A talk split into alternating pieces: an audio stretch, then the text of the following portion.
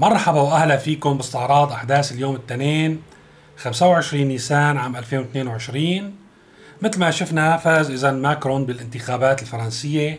هلا بالنسبة لنا كشعوب المنطقة وسوريا ما في خبر إيجابي يعني. نحن الخبر يا بيكون سيء يا اسوء ففينا نعتبر إنه استمرار السيء وهو أفضل من الاسوء الرمد أحسن من العمى. هذا الشيء اللي فينا نوصف فيه إعادة انتخاب آه، ماكرون. هذا بيعني إنه سياسات فرنسا اللي شفناها طوال السنوات الماضية رح تستمر رح نركز ونرجع يعني آه، نعيد التذكير بأنه السياسة ما أنا مبدأ السياسة ممكن تكون متغيرة سياسة آه، ممكن يعني تنتقل من ضفة إلى ضفة أخرى. هذا الموضوع نحن السوريين تعلمناه بثمن غالي خلال السنوات الماضية. في كثير من الدول اللي غيرت مواقفها و يعني كان لها آه، سياسات أو انتهجت آه، خلينا نقول تكتيك آه، بشكل أدق. يعني متباين بما يخص الشأن السوري وما يحدث بسوريا ومنها تركيا وغيرها من الدول. طبعا هو الأقل سوءا ماكرون لأن أول شيء فينا نقول إنه هو ما راح ياخذ سيا يعني ما راح يكون في قلب السياسات المتشددة في أوروبا. هلأ لا شك إنه إطار التعامل مع اللاجئين قادمين إلى أوروبا بأوروبا كلها راح يتغير مثل ما حكينا أكثر من مرة. ولكن في فرق إنه فرنسا تكون في قلب يعني هذا التغير في قلب هذا الإطار أو تكون هي على الحواف. مع وصول ماكرون للسلطة راح تكون فرنسا هي على حواف هذا الإطار ولكن راح تنتقل معه ولكن ما راح تكون هي يعني قائد هذا الاتجاه أو عنصر فاعل أو مؤثر فيه. وهذا جيد للاجئين السوريين الموجودين في سوريا أو إذا يعني حدا حسن يوصل بالفترات القادمة إلى هذا البلد. فيما يتعلق بسوريا و بموضوع الموقف من من الأسد والى آخره. أيضا إنه هذا الموضوع راح يكون في استمرار في مواقف فرنسا من نظام الأسد بإعادة انتخاب ماكرون. بكل الأحوال أنا يعني من الناس اللي مؤمن بإنه مهما تبدلت يعني الحكومات أو الرؤساء في دول أوروبا أو دول العالم الدول الحقيقية ما راح يكون في مرة ثانية إعادة تعويم أو تقارب بالمعنى الحقيقي آه، مع نظام الأسد. ممكن يصير في اتصال أو تواصل بشأن ملفات بعينها مثل اللاجئين أو القضايا الأمنية. يكون في آه، نوع من آه، اتصالات تختلف عن الفترات الماضية لحكومات ورؤساء سابقين. حتى في تركيا يعني هذا الموضوع أنا برأيي ينطبق حتى لو وصلت أحزاب المعارضة ما راح تحسن تطبع بشكل كامل مع الأسد. ولكن ممكن تنتهج آه، خطة جديدة تستلزم نوع من تواصل يعني مختلف عن تواصل نظام أردوغان أو حكومة أردوغان مع الأسد. كذلك فرنسا كذلك كل الدول الأوروبية. فهذا الموضوع أنا بتوقع محسوم. وبالتالي يعني آه، التأثيرات بانتخاب ماكرون علينا نحن كسوريين ما راح يكون هالتأثير آه، الكبير. مثل ما قلنا ربما كان في تأثير أو في آثار أكثر سوء لو فاز آه، فازت المنافسة اللي تنتمي إلى اليمين المتطرف. الخبر اللي لازم نحكي عنه كمان هو غرق المركب في طرابلس.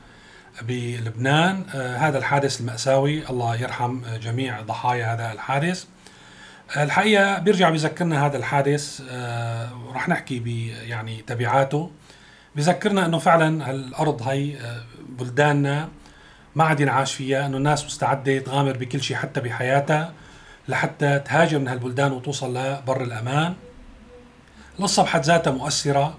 ناس يعني مثل ما فهمت من الشهادات يلي شفتها أنه حاولوا أكثر من مرة مو المرة الأولى وبعدين باعوا كجماعة باعوا كل شيء يعني بيملكوه فوقهم وتحتهم واشتروا هالمركب لحتى يوصلوا فيه إلى مستقبل جديد لهم لاطفالهم وما يعني ساعدهم الحظ آه، بذلك. آه، بهمنا نحن كسوريين أنه نشوف مين الضحايا السوريين لأن فيهم سوريين. لليوم من أكثر من مصدر وهذا الموضوع بده تأكيد أنه في آه، يعني آه، ثلاث أطفال ووالدتهم توفوا بالحادث المؤسف الله يرحمهم. آه، الموضوع الحقيقة أخذ أبعاد إضافية يعني مثل ما لاحظت. دائما اليوم لازم نحن ننتبه وهذا الموضوع رح تشوفوه مع اقتراب الانتخابات. ما بنقول إنه والله الحوادث مرتبة ولكن بهالجو من الفوضى هالجو من التوتر هالأزمة المعيشية الخانقة كثير من الحوادث ممكن تصير خلال الأيام والأسابيع القادمة ولكن لابد من استغلال هذه الحوادث سياسيا من طرف ضد طرف آخر وهذا راح يعقد المشكلة بلبنان.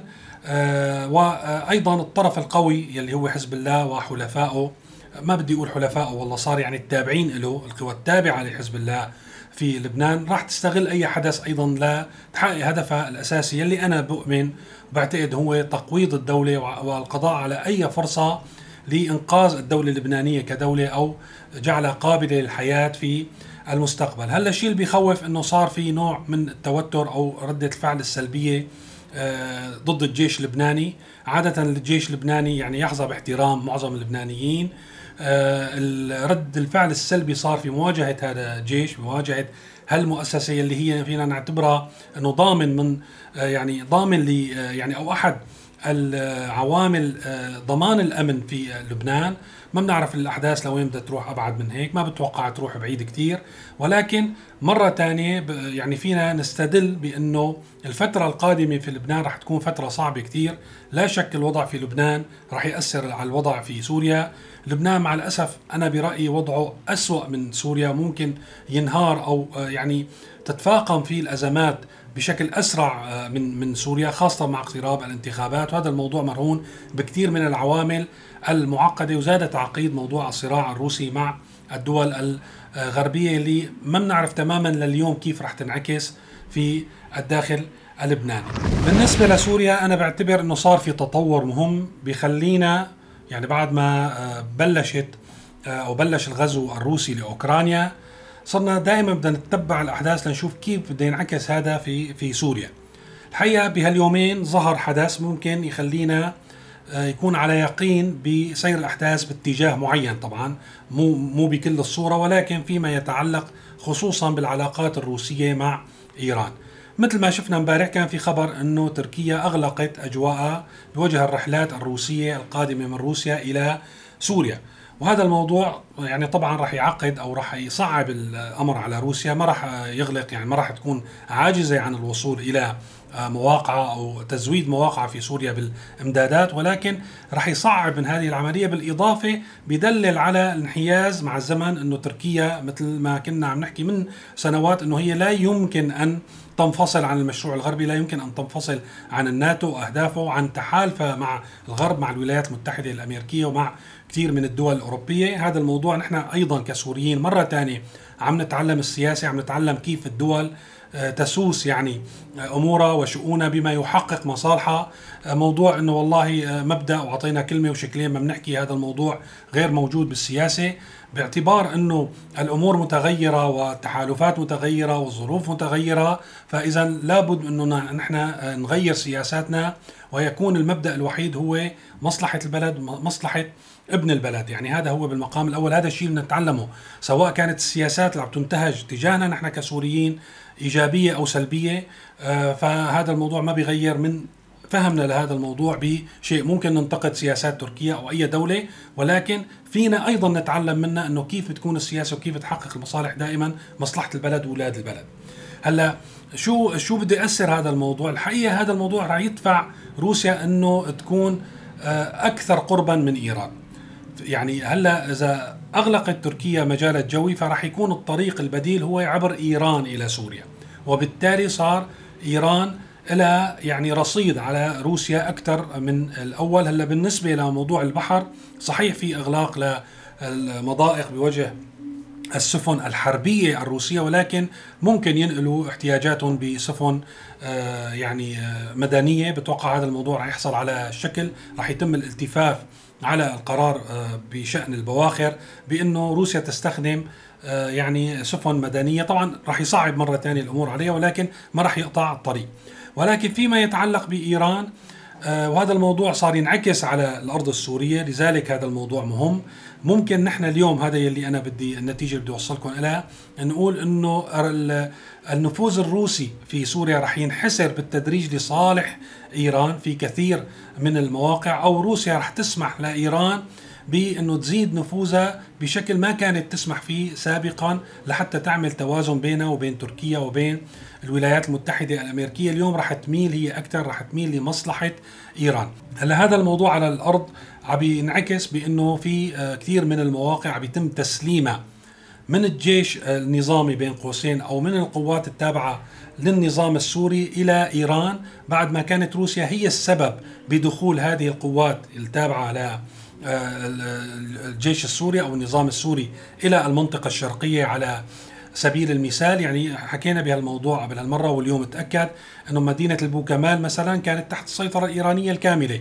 بالجهود الروسية حسنت تدخل أيضا بعض الفرق أو بعض القوات بمسميات متعددة للبوكمان اليوم روسيا رجعت سلمت هذه المنطقة إلى إيران وبالتالي أصبحت هذه النقطة الحدودية المهمة هي تحت السيطرة الإيرانية بشكل كامل وتستطيع إيران أن تدخل إلى سوريا من هذه النقطة اليوم ما تشاء يعني نظريا إلا فيما إذا كان الولايات المتحدة الأمريكية لأن هي عم تراقب هذا الخط من خلال قاعدة التنف إنه عندها اعتراض على شيء أساسي ممكن وقتها تتصرف ولكن اليوم تم طرد يعني روسيا ساهمت بطرد قوات النظام من منطقة البوكمال. خبر ثاني طبعا هذا اللي بدللنا نحن هو الموضوع التحركات على الأرض مهمة ولكن دلالاتها أهم منها.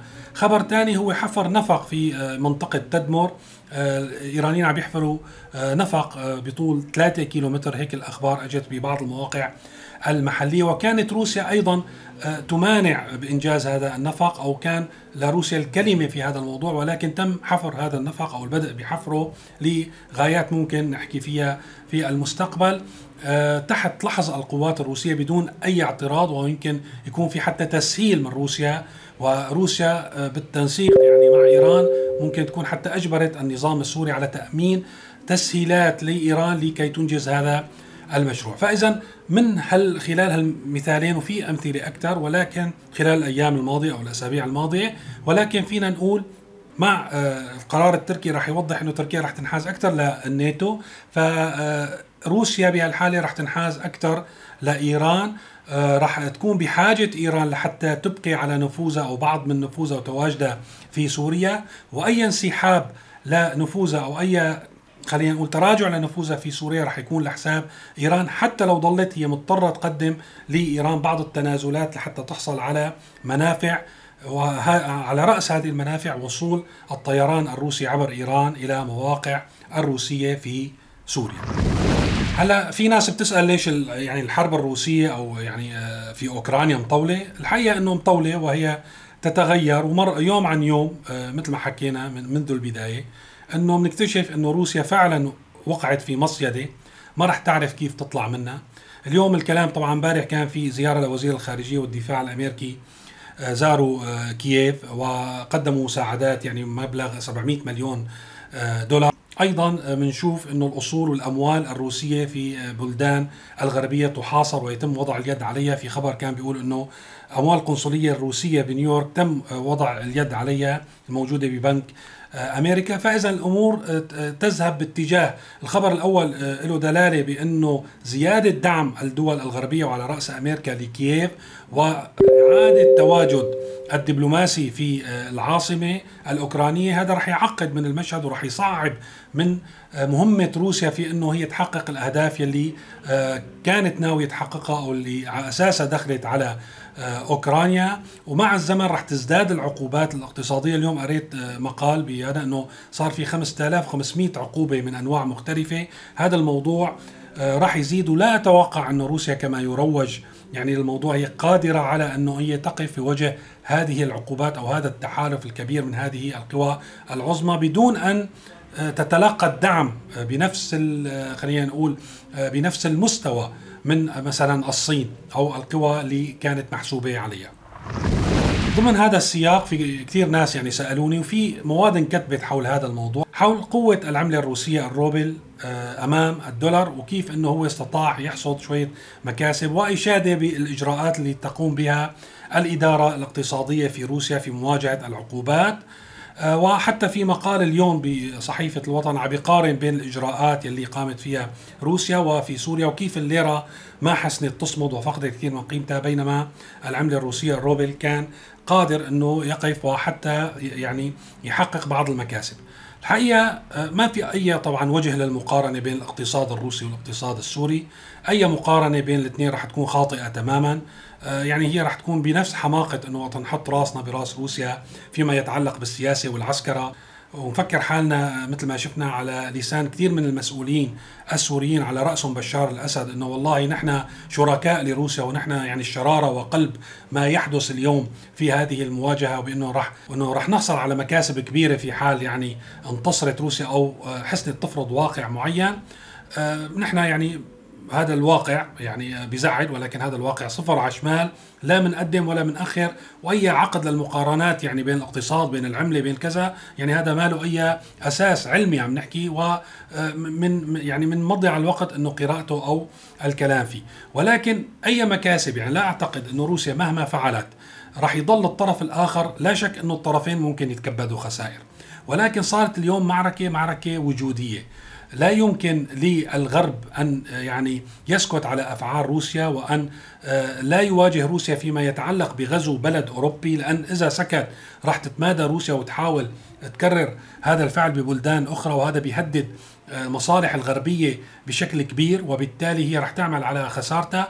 وروسيا ما عاد فيها هي تنسحب وتعترف بخسارتها لأن هذا أيضا ما راح يفيدها كثير وراح يخلي العقوبات مطبقة عليها وحالة العداء الموجودة في الغرب موجودة إلى ورح ندخل بحرب آه، باردة أو غير باردة تهدف إلى تفكيك الاتحاد الروسي. وأنا بتوقع نحن دخلنا بهالمرحلة يعني صار في خطة وفي خلينا نقول آه، تفاهم ولو كان غير معلن أو غير مكتوب بين القوى الغربية بأنه يجب أن نتخلص من روسيا بوتين وروسيا الاتحادية كما هي عليه اليوم.